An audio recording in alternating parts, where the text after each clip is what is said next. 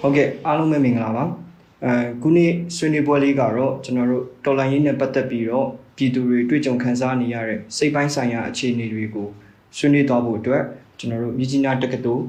ဟိုစိတ်ပညာဌာနကဆရာအောင်ကိုလင်းနဲ့ဒီဘက်ကတော့ကျွန်တော်တို့ CDN ဝင်ထားတဲ့စိတ်ကျန်းမာရေးဆရာဝန်တယောက်ကိုကျွန်တော်တို့ခေါ်ထားပြီးတော့ဒီနေ့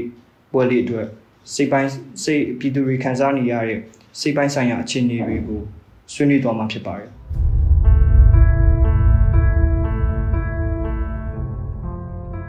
ဟုတ်ကဲ့ဆရာဟိုပါလေကျွန်တော်ပထမဆုံးအနေနဲ့ဆွေးနွေးခြင်းတဲ့ဟိုအချက်လက်ကဟို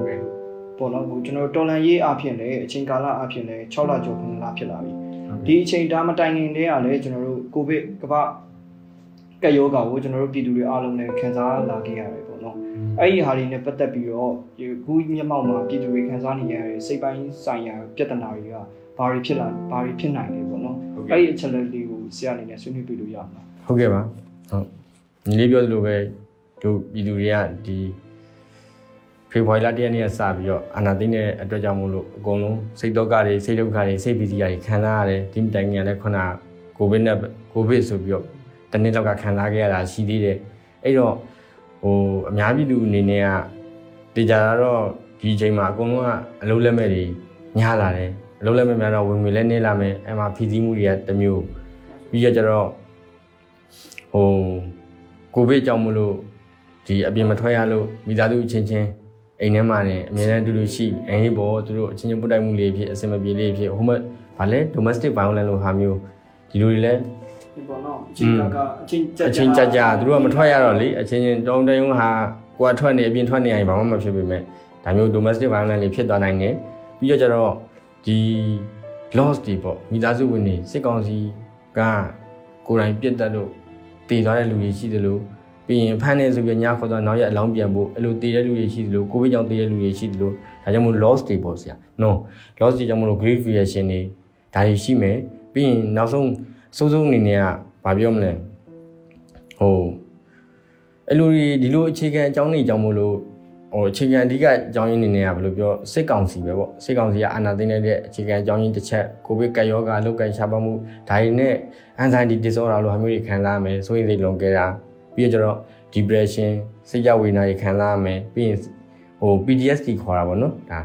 ဟိုစိတ်ဒဏ်ရာတွေရကုန်ရတယ်နောက်ဆုံး suicide ထိတောင်မှဖြစ်တာတွေကြားကြနေရရှိတာပေါ့နော်ဒီလိုစိတ်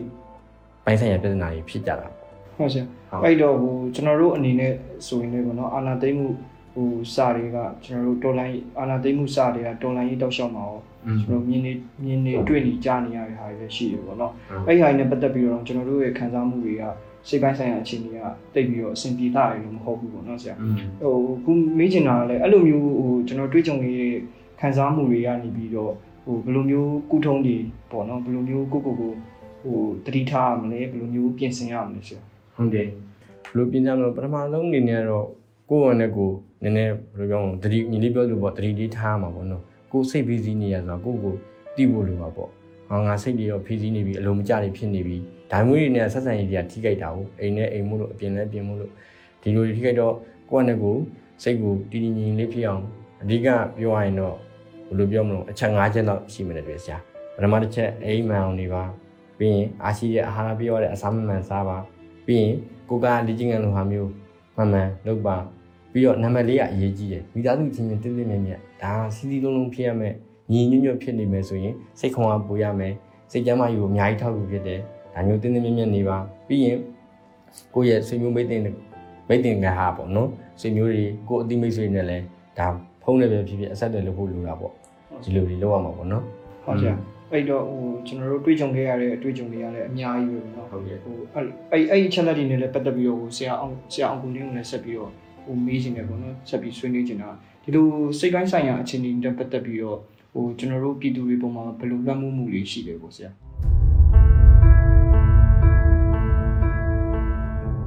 ဟုတ်ကဲ့ကျွန်တော်ဒီလိုပေါ့ဒီ ခုနဆရာပြောခဲ့တယ်လို့ပေါ့နော်ဒီလူတွေကကာလကြာရှည်နော်တစ်နှစ်ကျော်တစ်နှစ်ခွဲလောက်ကာလကြာရှည်စိတ်ပိုင်းဆိုင်ရာပြဿနာတွေကိုခံစားလာရတယ်ခံစားလာတဲ့အခါမှာရေပေါ်အဖြစ်ပြောမယ်ဆိုတော့လူတိုင်းနှီးပါဟာအခုချိန်မှာဆိုရင်စိတ်တက်ကြနေတယ်ပြောလင်းချက်ပြောင်းဆုံးနေတယ်အဲ့တော့ကျွန်တော်တို့ဒီကတော်လိုင်းရေးလုပ်ငန်းဆိုတာအင်မတန်စိတ်အားစိုက်ထုတ်ပြီးလုပ်ရတဲ့လုပ်ဖြစ်တယ်ပေါ့နော်ဒါကြောင့်ကျွန်တော်တို့ကဒီဟာကိုဒီလေးလာသုံးသပ်တဲ့အခါမှာဒီလူတွေရဲ့မျှော်လင့်ချက်ကိုကျွန်တော်တို့အဓိကကြည့်ရအောင်နော် အဲ့ဒါအကယ်ကျွန်တော်လူတယောက်ကအလုပ်တစ်ခုလုပ်တဲ့အခါမှာမျှော်လင့်ချက်မရှိဘူးလို့ခံစားရရင်သူကအဲ့ဒီလုပ်ကိုအင်တိုင်းအားတိုင်းမလုပ်တော့ဘူးနော်မျှော်လင့်ချက်ရှိတယ်ဆိုမှလည်းသူကအင်တိုင်းအားတိုင်းလုပ်တာရှိတယ်အဲ့တော့နောက်တစ်ခုကကျတော့လူတွေရဲ့စိတ်ဆော်မှုပေါ့နော်စိတ်ဆော်မှုဆိုတာဘာလဲဆိုတော့ဒီအတွင်းရလာတဲ့စိတ်ဆော်မှုရှိတယ်အပြင်ရလာတဲ့စိတ်ဆော်မှုရှိတယ်အတွင်းရလာတဲ့စိတ်ဆော်မှုဆိုတာလူတယောက်ကလုပ်ငန်းတစ်ခုလုပ်ဖို့အတွက်သူ့ရဲ့စိတ်ထဲမှာဟိုကဒီလုပ်ငန်းနှစ်သက်တာကြိုက်တာတော့ဘာပြင်ပအကြောင်းတရားမပါဘဲနဲ့စိတ်ပါလက်ပါထားလုပ်တာရှိတယ် ခါပြင်ပစိတ်ဆော်မှုကြတော့အပြင်ပကနေကိုမလုံးပေးတာပြင်ပကနေ6လှန်တာပြင်ပကနေပြီးတော့ဟို6တစ်ခါ6တစ်လက်လုံးမလုံးတာမျိုးရှိတယ်နော်ကျွန်တော်ဒီမှာလည်းအဲ့တိုင်းပဲတော်လိုင်းကြီးတခုတချို့ကကြတော့အတွင်းစိတ်ဆောင်မှုနဲ့လုံးကြတယ်အမှန်တရားကိုချစ်မြတ်လို့တရားမျှတမှုချစ်မြတ်လို့လုံးတဲ့လူတွေရှိကြတယ်တချို့ကြလည်းမျှော်လင့်ချက်တစ်ခုခုနဲ့ပေါ့နော်အဒီတော်လိုင်းကြီးကနေပြီးတော့ပြီးသွားရင်ကျွန်တော်တို့ဘယ်လိုအကျိုးကျေးဇူးတွေရမလဲတော့ဒီတော်လိုင်းကြီးမလုပ်ရင်ဘယ်လိုမျိုးဒုက္ခတွေကြုံရမလဲဆိုတော့ပြင်ပအကြောင်းတရားနဲ့လည်းလုံးတာရှိကြတယ်ပေါ့နော် အဲ့ဒီခါမှာကျွန်တော်ကအတွင်းစိတ်ထဲကလာတဲ့เนาะအတွင်းထဲကလာတဲ့လူတဦးချင်းအတွင်းထဲကလာတဲ့တွန်းအားကြောင့်စိတ်ဆုံးမှုကြောင့်လုပ်တဲ့လူကတော့ဘယ်လိုအခြေအနေပဲရောက်ရောက်သူကနောက်မဆုတ်တန်လုပ်သွားမှာဖြစ်တယ်။ဒါပြင်ပအခြေအနေကြောင့်လုပ်တဲ့လူကကြတော့သူကဒီတော်လိုင်းရေးမှာသူမျှော်လင့်တဲ့အရာတွေပေါ့နော်အဓိကအောင်ပွဲပေါ့လေအောင်ပွဲရဖို့အတွက်အဲဒီဟိုမျှော်လင့်ချက်ရှိရင်သူကကြိုးစားတယ်။အောင်ပွဲရဖို့အတွက်မျှော်လင့်ချက်နည်းနည်းဝေဝါးသွားရင်သူမကြိုးစားခြင်းတော့စိတ်ပြက်လက်ပြက်ညှင်းညူချင်တာလေပေါ့နော်။တော့ကျွန်တော်က ဒီခုနပြောတဲ့စိတ်တက်ကြတယ်ဆိုတာဒီကျွန်တော်ကချောမျှော်လင့်ချက်မဲ့တယ်ဆိုတာတဦးချင်းနေနဲ့မျှော်လင့်ချက်မဲ့တာရှိတယ်။အာငါဘွားတော့သွားပါပြီဒီဒီချိန်ကြီးမှာအတော်လိုင်းပုံမှာလည်းချောမျှော်လင့်ချက်မဲ့တာရှိတတ်တယ်ပေါ့နော်။အာလာနိုင်ပါအောင်မလား။အောင်ဝဲရပါအောင်မလားပေါ့နော်။ဒီလိုအခါမျိုးမှာဆိုရင်သူကဒီထဲမှာကိုဒါပြင်ပစိတ်ဆုံးမှုနဲ့လာတဲ့အတွက်ကြောင့်စိတ်ပါလက်ပါဆက်ပြီးတော့ပါဖို့ကလည်းခဲရင်တယ်ပေါ့နော်ဟုတ်ကဲ့ဆရာဟိုအခုဆိုရင်တော်လိုင်းကြီးရတယ်နောက်တစ်ဆင့်ကိုမြင့်သွားပြီပေါ့နော် ဟိုစစ်ပွဲတွေအခုဆိုရင်ဖြစ်လာတော့မယ်အဲအချိန်ကြီးပေါ့နော်အဲ့အချိန်မှာနှစ်ဖက်စလုံးကလည်းဒါကတရားသောစစ်ဆိုပြီးတော့ဟိုမှန်ကန်ကြောင်းကိုသူတို့ဟိုကြိုးစားနေကြတယ်ပေါ့နော်အဲ့တော့ဆရာပြည်သူတွေဘက်ကရောဒါကတရားသောစစ်ဆိုပြီးတော့ကျွန်တော်တို့ဘယ်လိုမျိုး justify လုပ်လို့ရမလဲဘယ်လိုမျိုးသတ်မှတ်လို့ရမလဲဆရာဟုတ်ကဲ့ဗျာဒါကကျွန်တော်တို့ဒီ just for doctrine မှာရှိတာပေါ့နော်ဒီတရားသောစစ်ဆိုတဲ့အယူအဆဟိုးရခင်တွေကရှိတာပေါ့နော်ဒါကျွန်တော်တို့ဒီ ကဘာရရမှာဟိုရှိခေတ်ကတကယ်ဟိုဟာစစ်ဟောပေါ့နော်စီအီပါရဂူတွေကသူတို့ဒီတဘောတရားကိုထည့်သွင်းတာပေါ့နော်တကယ်ဆိုဒီကကျွန်တော်ဘာသာရေးလာတာလည်းရှိပါတယ်အဲ့တော့ဒီ just for doctrine မှာတော့ဘာပြောလဲဆိုတော့ငါတို့တိုက်နေတဲ့စစ်ဟာတရားတရားသောစစ်ဖြစ်တယ်တရားမျှတမှုတွေလောက်တာဖြစ်တယ်အဲ့လိုပြောတဲ့အခါကျမှတော့လေအဲ့လို justify ပေါ့နော်မိမိဘက်ကမှန်ကန်ကြောင်းဒါလိုစစ်တိုက်ရတာမှန်ကန်ကြောင်းတက်တည်ပြနိုင်မှလာလေပါဝင်တိုက်ခိုက်သူရောအားပေးသူရောမှာခွန်အားရတယ် အဲ့တော့တရားသောစစ်လို့ပြောမှလာလေအောင်ပွဲအတွက်သူခွန်အားတွေရှိကြတာပေါ့နော်အဲ့တော့ကျွန်တော်တို့ဒီဟိုပေါ့စစ်ကောင်စီဘက်ပေါ့နော်စစ်ကောင်စီဘက်ကတော့အစင်လာအပြင်သူတို့ကတရားသောစစ်လို့သူတို့ကဟောပြောဖို့အတွက်သူတို့ဘယ်အချက်တွေကိုတက်တည်ပြလေးရှိတယ်ဆိုဘယ်အချက်တွေကိုထောက်ပြလေးရှိတယ်ဆိုရင်သူတို့ဒီအမျိုးဘာသာတာသနာကိုစောင့်ရှောက်တယ်စောင့်ရှောက်နေတာအဲ့ဒါခါကျပြည်တော်စုကြီးမပြိုကွဲဖို့အတွက်လုပ်နေတာဆိုပြီးတော့အဲသူကတရားသောစစ်ကိုအဲ ဖြစ်ကြောင်းအဲ့ဒီနှစ်ချက်နေပြီဆိုတော့တတ်သိပြရလေးရှိတယ်ပေါ့နော်အဲ့လိုမျိုးနဲ့ justify လုပ်တာပေါ့နော်အထူးဖြင့်သူ့ရဲ့ဒီတိုက်ရိုက်ခိုင်ရေးပေါ်တွေနော်သူ့ရဲ့ဒီတပ်သားတွေနဲ့ခုနသူ့ရဲ့ထောက်ခံသူတွေပေါ့နော်အဲဒီလိုမျိုးလုပ်ခဲ့တာဒီလိုမျိုးရက်တည်ခဲ့တာလည်းနှစ်ပေါင်းတော်တော်ကြာပြီပေါ့နော်အဲ့တော့ဟိုမျိုးပေါ့ဒီသူ့အရာကျတော့အတိုင်းအတာတစ်ခုရောဒီကာလတစ်ခုထီရောဒီခေတ်တစ်ခါတစ်ခေတ်တစ်ခါလေးတော့မှန်ချင်မှန်ပါပေါ့နော်ဒါပေမဲ့ဒါရေရှည်မှာတော့ကျွန်တော်မှတ်လိုက်ဘူးပေါ့နော်ဟိုခေတ်မှာတော့အသုံးဝင်ခဲ့တယ်ပေါ့နော်ဟုတ်တယ်အဲ့လိုမျိုးပေါ့ ဘာဘာကြောင့်လဲဆိုတော့ကျွန်တော်တို့တိုင်းပြည်က diverse ဖြစ်တယ်ပေါ့နော် diverse ဖြစ်တဲ့အတွက်ကြောင့်ဟိုကျွန်တော်တို့ diverse ဆိုတဲ့နေရာမှာဟိုလူမျိုးရေးအရာလဲပေါ့နော်မျိုးနွယ်စုအရာလဲ diverse ဖြစ်တာပေါ့အဲယုံယုံကြည်ကိုယ်ကိုယ်ရဘာသာတရားအရာလဲ diverse ဖြစ်တာပေါ့နော် indigenous people လို့ခေါ်တဲ့ဒီမူရင်းဌာနေတိုင်းရင်းသားတွေမှာဟိုကကိုယ်ကဘာသာကအဓိကနှစ်မျိုးသွားဖြစ်နေတာပေါ့နော်ဒါမျိုးရှိကြတယ်အဲ့အဲ့ဒီလိုမျိုးတိုင်းပြည်မှာ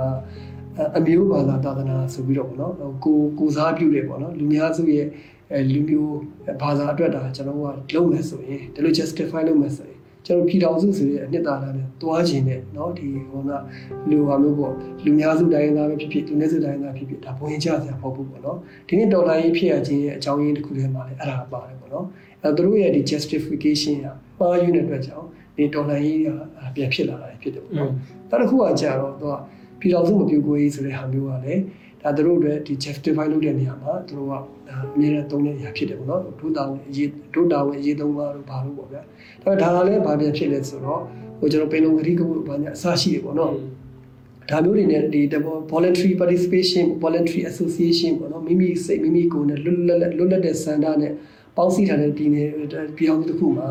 ဒီလိုမျိုးသွားပြီးတော့ဒီဟို justify လုပ်တာလေခုနကသိပြီးတော့ဟိုအားရှိတဲ့ justification လို့ပေါ့နော် ဒါဆိုကျွန်တော်ပြည်သူဘက်ကိုပြန်ကြည့်ရအောင်ပြည်သူဘက်ကကြာတော့ဘာအတွက်ဒီဒီဟိုဟိုစစ်ပွဲကို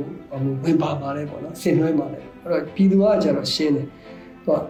မတရားတာကိုစန့်ကျင်တာပေါ့နော် ဒါပြင်ဘယ်အရာကမတရားလဲပေါ့နော်ဘယ်အရာကမတရားလဲဆိုတော့အဲ့ဒီမှာဟိုပြည်သူတွေပေါ့နော်ဒီကကိုဗစ်ဒုတိယလှိုင်းပေါ့ဗျာဒုတိယလှိုင်းထဲမှာဒီအသေးအပြောက်တွေများတဲ့ကြားတွေကခက်ခက်ခဲခဲပေါ့စုံစုံသားသားမဲပြီးထားတဲ့เนาะဒီရလက်ကြီးကိုသူက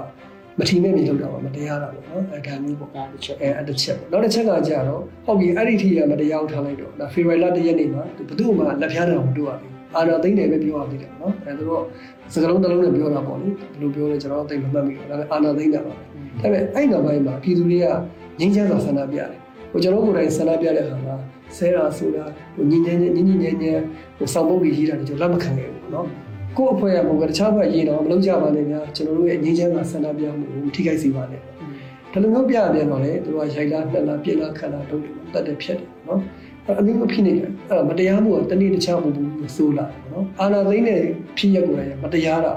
မတရားလို့မတရားပါဘူးလို့ပြောတဲ့ဟာကိုလည်းသူတို့ပြန်ပြီးတော့ပြင်းပြထန်တဲ့နှိတ်ကိုကြီးနှိတ်ကိုကြီးတယ်မတရားမှုကတဖြည်းဖြည်းနဲ့လက်လွန်လာလက်လွန်လာတဲ့အခါမှာဒီနေ့ဆိုရင်ရွာလုံးကျပြတ်တာမျိုးပေါ့နော်ဟိုတလောကဆိုရင် ဒါကျွန်တော်တို့ဒီဘက်နော်ဒီဟို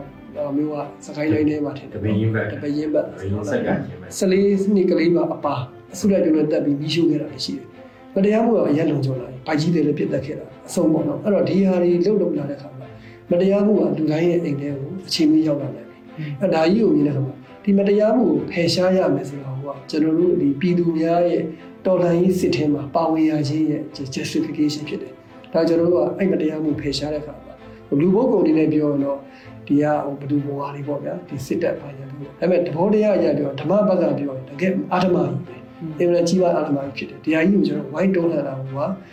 ကျွန်တော်တို့ဒီစစ်ပွဲအတွက် justification ကလုံလောက်နေပေါ့နော်တော့ဒီဟာကျွန်တော်တို့ကဒီတစ်ချက်သေးနဲ့တည်းပဲ ကျွန်တော်စစ်ပွဲဟာလုံးဝတရားသောစစ်ဖြစ်တယ်တရားသောစစ်စစ်ဖြစ်ယူပါရင်တရားသောစစ်နိုင်နိုင်ရမယ်ဆိုရင်ယုံကြည်ချက်ကလည်းကဘာဆက်ဟောကဘာမှာပေါ့နော်တမိုင်းဆက်ဆက်တာရှိရတာဖြစ်တယ်ပေါ့နော်ဒါကြောင့်ဒီအချက်ကတော့အင်မတန်ကောင်းတဲ့လုံလောက်တဲ့ခိုင်မာတဲ့ justification ဖြစ်ပါတယ်ဟုတ်ဆိုအဲ့လိုဆိုတော့ဗောနော်ဟိုကျွန်တော်တို့ဒီဟာကတော့ဟိုကိုဖြစ်နေတဲ့အရှိတရားပေါ်မှာယူပြီးတော့မူတည်ပြီးတော့ကျွန်တော် justification လုပ်တယ်ဗောနော်ဆိုနောက်တစ်ခုကတော့ဘာသာရေးအနေနဲ့ကိုရှုတော့အနေနဲ့ကိုမှ ဆရာဟိုပတ်သက်ပြီးတော့ဗောနော်စိတ်ပညာအနေနဲ့ဘယ်လိုမျိုး motivation ယူတင်တယ်ဗောနော်အဲဒီဒီစစ်ပွဲကတရားသောစစ်ဖြစ်ပါတယ်ဆိုတော့ပုံစံမျိုးကိုကျွန်တော်တို့ကရောဘယ်လိုမျိုးယူတင်လဲဆရာဟောဟုတ်ကဲ့ပါဟိုအဓိကပေါ့နော်ကျွန်တော်ကဒီအဲစစ်ပွဲဖြစ်ပြီဆိုတော့လူသေးပါလေပေါ့နော်လူသေးရဲ့ကြီးတယ်ပျက်စီးမယ်အပြစ်ရှိသူရောအပြစ်မရှိသူရောဟိုတေးကြပါမယ်ပေါ့နော်ဒါကြောင့်တော့ဒါမလွဲတာမရှောင်ပါပေါ့လေ ကျွန်တော် collateral damage လို့ခေါ်တာပေါ့နော်တာမန်ရသားပြည်သူတွေတေးပါပဲပေါ့နော်ဒါကြောင့်ချို့ကဒီလူတွေတေးချပျက်စီးစေတဲ့စစ်ပွဲကြီးမှာဝင်ပတ်သက်ရတယ်ဘာလို့အပြစ်ဖြစ်ကုန်မလားဆိုတဲ့တွေးတွေးဆချက်လည်းရှိပါပေါ့နော်အဲ့တော့ကျွန်တော်တို့က ဟိုထားပါတော့เนาะကျွန်တော်ဒါဒီဗုဒ္ဓဘာသာကိုဥပမာပေးတာပေါ့เนาะဒါမြန်မာနိုင်ငံမှာဆိုရင်ဒါဒီလူများစုကုကိုယ်ရဲ့ဘာသာတစ်ခုဖြစ်တယ်ဟောဗုဒ္ဓဘာသာဝင်တွေကအဲသူတို့နေ့တူကမှာ၅ပါးသီလမှာရှိတယ်အဲ၅ပါးသီလမှာကျတော့ဟိုပထမဆုံးအချက်က ဟိုသူများအတ္တမတတ်နေဆိုတော့ဟိုအဲ့ဒီမှာဟိုကသူတို့ရဲ့ဒီဟာစန့်ကျင်လို့ဖြစ်တယ်เนาะသူများအတ္တမတတ်နေဆိုတာဟိုစစ်ပွဲတဲ့သွားရင်တော့သူများအသိပါပဲအဲသူများသိမယ်ဆိုတော့ဒီစစ်ပွဲဦးတဲ့ကိုပါဝင်ရတာကသူတို့ရဲ့ဒီသီလအရာပေါ့နော်အဲသီလ moral အရာပေါ့နော် ဒါဘယ်လိုပြောမလဲစန့်ကျင်ဘက်လို့ဖြစ်နေတယ်နော်အဲ့တော့ကျွန်တော်ကအဲ့ဒီအချက်ကဒါကျွန်တော်တို့စဉ်းစားစရာဖြစ်ပါတယ်။ဒါအဲ့တော့ဒီပါဏာတိပါဒပေါ့လေပါဠိလိုပြောတော့နော်သူများအတ္တမတတ်နဲ့ဆိုတာတ ကယ်တော့အဲ့ပါဏာတိပါဒကိုကျွန်တော်ကဟဟောရှုထောင့်သုံးခုကကြည့်လို့ရတယ်ဗျပထမရှုထောင့်ကကျတော့ကျောင်းဒီဗုဒ္ဓဘာသာစာပေမှာရှိတယ်ဟိုဝီနီးတို့အဘိဓမ္မာတုတ်တန်ရှုထောင့်နော်အဲဝီနီးရှုထောင့်ကကြည့်ရင်တော့သူကအင်္ဂါ9ရက်စုံရင်အင်္ဂါ9ရက်ညီသွားတာနဲ့တော့ပါဠိပါဒအဖြစ်ကတန်းဖြစ်တယ်ဟုတ်အင်္ဂါ9ရက်စုံတော့ခြားတော့ဟုတ်ပါဘူးဒါသက်ရှိတော်ဝါဖြစ်ခြင်းအဲတော်ဝါမဲ့တည်ခြင်းအဲတော်ဝါကိုတည်စီလို့သိရှိခြင်းအဲတော်ဝါကိုတည်အောင်အားထုတ်ခြင်းတကယ်တည်သွားခြင်းပေါ့ ဒီငါးချက်နဲ့ညီသွားရင်သူကအဲပါဏာတိပါဒအဖြစ်ကဖြစ်ပြီပေါ့နော်အဲဒီလိုမျိုးပြောထားတာတခါကျွန်တော်အဘိဓမ္မာလိုဟာမျိုးကသွားကြည့်ပြန်တော့ဟုတ်ဒီကဒေါမနတစိတ်ပေါ့နော်အဲတနည်းအားဖြင့်ကျွန်တော်တို့ဒီဒေါသမှုစိတ်ပေါ့အဲဒေါသမှုစိတ်နှစ်ပါးနဲ့ဒီဘောမျိုးကပြင်မှာတော့သူများတိုက်တုံးပြီးဖြစ်စေကိုယ်တော်နဲ့ကိုယ်လုံးပြီးဖြစ်စေဒေါသစိတ်နဲ့တရားတော်တက်ဖြတ်အဲတက်ဖြတ်မှုကိုစဉ်းစားလိုက်တာတေးစီလိုတဲ့စိတ်တွေပဲစိတ်ထဲဖြစ်ုံနဲ့တည်းပဲသူကအပြစ်ဖြစ်တယ်လို့တော့ပြောတာအဲဒါမျိုးဒီလိုအရာတွေဆိုတော့ကျွန်တော်တို့က ဒီစစ်ပွဲကပါဝင်ရဲစရာအကြောင်းတော့မရှိဘူးပေါ့နော်အဲ့ဒါမှတစ်ခုကျန်တော့တုတ်တန်ဒေသနာလို့ခေါ်တာပေါ့နော်တုတ်တန်ဒေသနာကြတော့ဒီဗုဒ္ဓဖြစ်စဉ်တွေတော်တော်များများဟောထားတာအဲ့ဒါတွေပေါ့နော်အဲ့ဒီထဲမှာကျွန်တော်တို့ဒီဟိုပါပေါ့ငယ်တော့ကလည်းသင်ငယ်ဘူးတော့ဇာတကစကြီးဆယ်ပွဲပေါ့နော်။အဲ့ဇာတကဆိုတာတကယ်တော့ကျွန်တော်950နိပတ်တော့ပေါ့လေ။ဟောအဲ့တော့ကျွန်တော်ဒီစာစုံနဲ့ပြောတော့အဲရင့်မာတစ်ချိန်နုမာ900ပေါ့နော်။ပါရမီဖြည့်တဲ့ကာလပါရမီနုနေတဲ့ကာလတုန်းက ကျင်နေတဲ့ဘဝဘဝ900ဘုကျွန်တော်ရှိပြီးတော့အဲပါရမီရင်းကျက်တဲ့အခါမှာ10ဘဝပေါ့နော်အဲ့လိုပြောတာ။အဲ့တော့ဒီ950ဇက်တော်တွေကကျွန်တော်ပြန်ဖတ်ကြည့်တာနော်ကျွန်တော်ဒီငယ်တော့ပြဋ္ဌာန်းဆောင်မှာပါတော့အဲ့ဒီမှာပြန်ကြည့်တဲ့အခါကျတော့ဘာသွားတွေ့လဲဟိုတရိษံဘဝတွေအများကြီးပဲဒီဗုဒ္ဓအလောင်းအလျာပေါ့နော်ဖះအလောင်းပဲပြောပါအဲဘုရားပြောမှာဟိုစင်မင်းတို့ဟိုမြောင်မင်းတို့ဘာကြီးမင်းတို့ဒီတရိษံတွေအများကြီးဖြစ်တာ ဟုတ် အတရိษံဖြစ်တယ်ဆိုတော့ကျွန်တော်တို့က ဒီဟောမျိုးပေါ့နော်တရိษံဆိုတာကြတော့သူတို့ပြောတယ်အပယ်လေးပုံသားပြောတာပေါ့ဗျာအပယ်လေးပုံသားငရဲတရိษံပြောတာဟုတ်အပယ်လေးပုံသားဆိုတော့ဒီအကုသိုလ်လုံးမှာတော့သွားတယ်နေရာဟုတ်အဓိပ္ပာယ်ကဘာလဲဖះလောင်းပေါ့နော်ဒါဗုဒ္ဓဖြစ်မဲ့ပုဂ္ဂိုလ်တော့အကုသိုလ်လုပ်တယ်ဆိုအဓိပ္ပာယ်ရောက်တာပေါ့နော်ဟုတ်ဒါပေမဲ့အကုသိုလ်ကဘာအတွက်လုပ်လဲဆိုတော့သူကလောကမှာတရားမျှတမှုရှိဖို့လောကမှာဓမ္မထွန်းမှုဖို့အတွက်မလွဲတာမရှောင်တာလုပ်ခဲ့ရတာပေါ့နော်အဖះလောင်းကဒီခါလေးလူဖြစ်တဲ့ဘဝတွေရှိတယ်ဟု တ်တကယ်ဝင်တော့ရန်သူလူစစ်တိုက်ရတာရှိတယ်ပေါ့နော်ဒါပေမဲ့ဒီနောက်ဆုံးရှိမှချက်ကဘာလဲဆိုတော့လောကမှာဓမ္မထွန်းမှုကိုနော်ဟိုသူတို့ပြောတယ်စရိယာသုံးပါးခေါ်တယ်ဗျာလောလောကထစရိယာလောကအကျိုးဆောင်မှုအတွက်တခါတည်းရမှာမလွဲတာမရှောင်တာဟုတ်ကျိုဒီအကုသိုလ်လို့ပြောတာပေါ့နော်ဒီဒီဒီစစ်ပွဲကြီးတွေလောက်ရတာဒါသူတို့ရဲ့ဒီတက်ရဖက်ရတယ်ရှိတာပေါ့အဲ့ဒီအတွက်ကြောင့်သူကဟိုအပယ်လေးပါးသွားကြာတာဒါအပယ်လေးပါးရောက်တယ်ဆိုပေမဲ့လေသူက အတိညာညာဒါမြင့်တယ်ပေါ့နော်ဟိုဒါစာထဲမှာပြောတဲ့အတိုင်းဆိုပြောတာပေါ့နော်အတိညာမြင့်တယ်ဆိုတာဒါစင်ဆိုတဲ့စင်တွေအုပ်ချုပ်တဲ့စင်မင်းပေါ့အဲတမင်ဆိုတဲ့တမင်မင်းအဲမြောက်စင်မြောက်မင်းဆိုတော့သူကဒါပါလဲဆိုတော့ဒီအာသူများကိုပြန်ဥဆောင်နေတာဒါပါရမီရဲ့အစွမ်းအဲ့တော့အများအကျိုးအတွက်လောကအကျိုးအတွက်နော်အဲသူတို့အကုသိုလ်လို့သတ်မှတ်တဲ့အရာကိုလုပ်တဲ့အခါမှာအကုသိုလ်ရဲ့အကျိုးပေးအတိုင်းဟု တရိษံတော့ဖြစ်တော်ညာလေးပေါ့နော်တပါမီရှိပါရီပါသွားတာပေါ့နော်အများအတွက်ဥတီလုပ်တဲ့အတွက်ပါမီပါတဲ့အတွက်ကြောင့်သူတို့ကဒီဟောမျိုးကအစွမ်းသာရှိတယ်နောက်ဆုံးပါမီရဲ့တဖြည်းဖြည်းနဲ့ရင်းကျက်လာတယ်ရင်းကျက်ပြီးတဲ့အခါမှာနောက်ဆုံးသူ့ရဲ့ပန်းတိုင်းဖြစ်တဲ့တပ်ပိနုဒ္ဒဉာဏ်လို့ပါရသွားတယ်ဗျာအဲကျွန်တော်ဒီရှုတော့ကြည့်မယ်ဆိုဒီတုတ်တန်ဒေသနာရှုတော့ကြည့်မယ်ဆိုရင်တော့ဒါကျွန်တော်ကမတရားမှုတွန်းလှန်တဲ့အခါမှာနော်တနည်းအားဖြင့်လောကအကျိုးဆောင်မှုအတွက်လောကမှာတရားမျှတမှုနော်ဒီဟောမျိုး တရားဓမ္မဆိုးမှုပေါ့လေတရားမျှတမှုရှိဖို့အတွက်ဓမ္မဆိုးမှုအတွက်လုပ်တဲ့အခါမလွဲတာမရှောင်တာအကုသိုလ်လုပ်ငန်းတွေပါကောင်းပါမယ်ဒါပေမဲ့ဒါတွေဟာပါရမီပြည့်ဖို့အတွက်နော်တနည်းပါရမီရင့်ချက်တယ်ပေါ့နော်ဒါဗုဒ္ဓဘာသာဝင်တွေဒါတွေအများအားဆုတောင်းနေတဲ့နိဗ္ဗာန်မျက်မှောက်ပြုတဲ့ဆိုတော့ပါရမီရှိမှပြုတယ်ဟုတ်အဲ့တော့အဲ့ဒီပါရမီပြည့်ဖို့အတွက်ကဒီအာရမဟောနော်တွန်းလှန်တဲ့အလုပ်မျိုးနော်ဓမ္မလွှမ်းမိုးလုပ်တဲ့အလုပ်မျိုးကမလွဲတာမရှောင်တာအကုသိုလ်လုပ်ငန်းတွေပါလာရင်လည်းရှောင်လို့မရဘူးနော်အဲ့လိုလုပ်တာ တကယ်တော့မြင့်မြတ်တဲ့လုပ်ငန်းပဲနော်ဒါဖရာအလောင်းလို့ဘာလို့ပေါ့နော်တကယ်သူတော်ကောင်းသူမျိုးလောင်းတွေလုပ်တဲ့လုပ်ငန်းဖြစ်တယ်ပေါ့နော်ဒါကျွန်တော်ကမှန်ကန်တဲ့ဘက်ကခုနရှိရဟာနဲ့ပြန်ဆက်ပြောမယ်ဆိုကျွန်တော်တရားသောစိတ်ကိုဆင်နွှဲတာလောကမှာတရားမျှတမှုကိုဒီဓမ္မလွှမ်းမှုကိုပြန်ပြီးတော့ရအောင်လုပ်တာဖြစ်တဲ့အတွက်ကြောင့်ဒီစစ်ပွဲမှာပါဝင်လို့ကုပယောဂကြောင့်လူတွေတည်တယ်ကြီးတယ်ဖြစ်ခဲ့ရင်တော့ဒါကဟိုအကုသိုလ်ဖြစ်တယ်ဆိုရင်တော့ဒါပါရမီလုပ်ငန်းဖြစ်တယ်မြင့်မြတ်သောလုပ်ငန်းဖြစ်တယ်လို့ကျွန်တော်ကဒါဒီလိုမျိုးပေါ့နော်ပြန်ပြီးတော့ မိမိကိုယ်ပြန်ဆင်ခြင်နိုင်ပါတယ်ပေါ့နော်အော်ဟုတ်ကဲ့ဆရာဟောခုလိုခုလိုဆွေးနွေးပြီးသွားတာလည်းကျေးဇူးတင်ပါတယ်ဆရာဘာလို့လဲဆိုတော့ကျွန်တော်တို့စိတ်တွေမှာအာခုနလိုဟိုပြင်ပ motivation ယူအောင်မဲ့ကိစ္စတွေဆိုရင်တခြားစိတ်ပိုင်းဆိုင်ရာညှိစွန်းတဲ့အရာတွေရှိတယ်ပေါ့နော်ဟိုဥပမာဘာသာရေးအရာ motivation ယူတာပဲဖြစ်ဖြစ်ဥပမာအာဘာသာရေးအရာပြန်ပြီးတော့သုံးသက်တဲ့အခါမှာလည်းခါလီဒါတွေကဟိုတုံဆိုင်မှုပုံစံမျိုးဟို ပြောမယ်ဆိုရင်တော့တွေ့ဝေသွားတဲ့ပုံစံမျိုးတွေရှိရပေါ့နော်ဆရာဟိုဒါပေမဲ့ဆရာရဲ့ဟိုဒီကိစ္စကြီးတည်းကတော့ရှင်းနေနေတာပါပဲပေါ့နော်ဟိုကျွန်တော်တို့ဟိုလူပေါင်းလောကမှာဒါမတရားမှုကြီးဆိုတာလူတိုင်းသိနေတာဒါပေမဲ့အဲ့ဒီဟာတစ်ခုလေးနေတယ်ကျွန်တော်တို့ကစိတ်ခွန်အားယူပြီးတော့ဒီတိုက်ပွဲကိုဝင်လို့ရနေပါပြီနော်ဆရာအဲ့တော့ခုလိုဘာသာရေးကဏ္ဍနေကိုပြည့်ပြည့်စုံစုံရှင်းပြသွားတဲ့ဆရာတို့နှစ်ယောက်ကိုလည်းကျေးဇူးတင်ပါတယ်ဒီကနေပြီးတော့ဟိုအားလုံးနဲ့ဒီအစီအစဉ်လေးကိုဟိုကြိုက်နှစ်သက်မယ်လို့လည်းထင်ပါတယ် ဟုတ်ကဲ့ကျေးဇူးတင်ပါဟုတ်ကဲ့ပါကျေးဇူးတင်ပါတယ်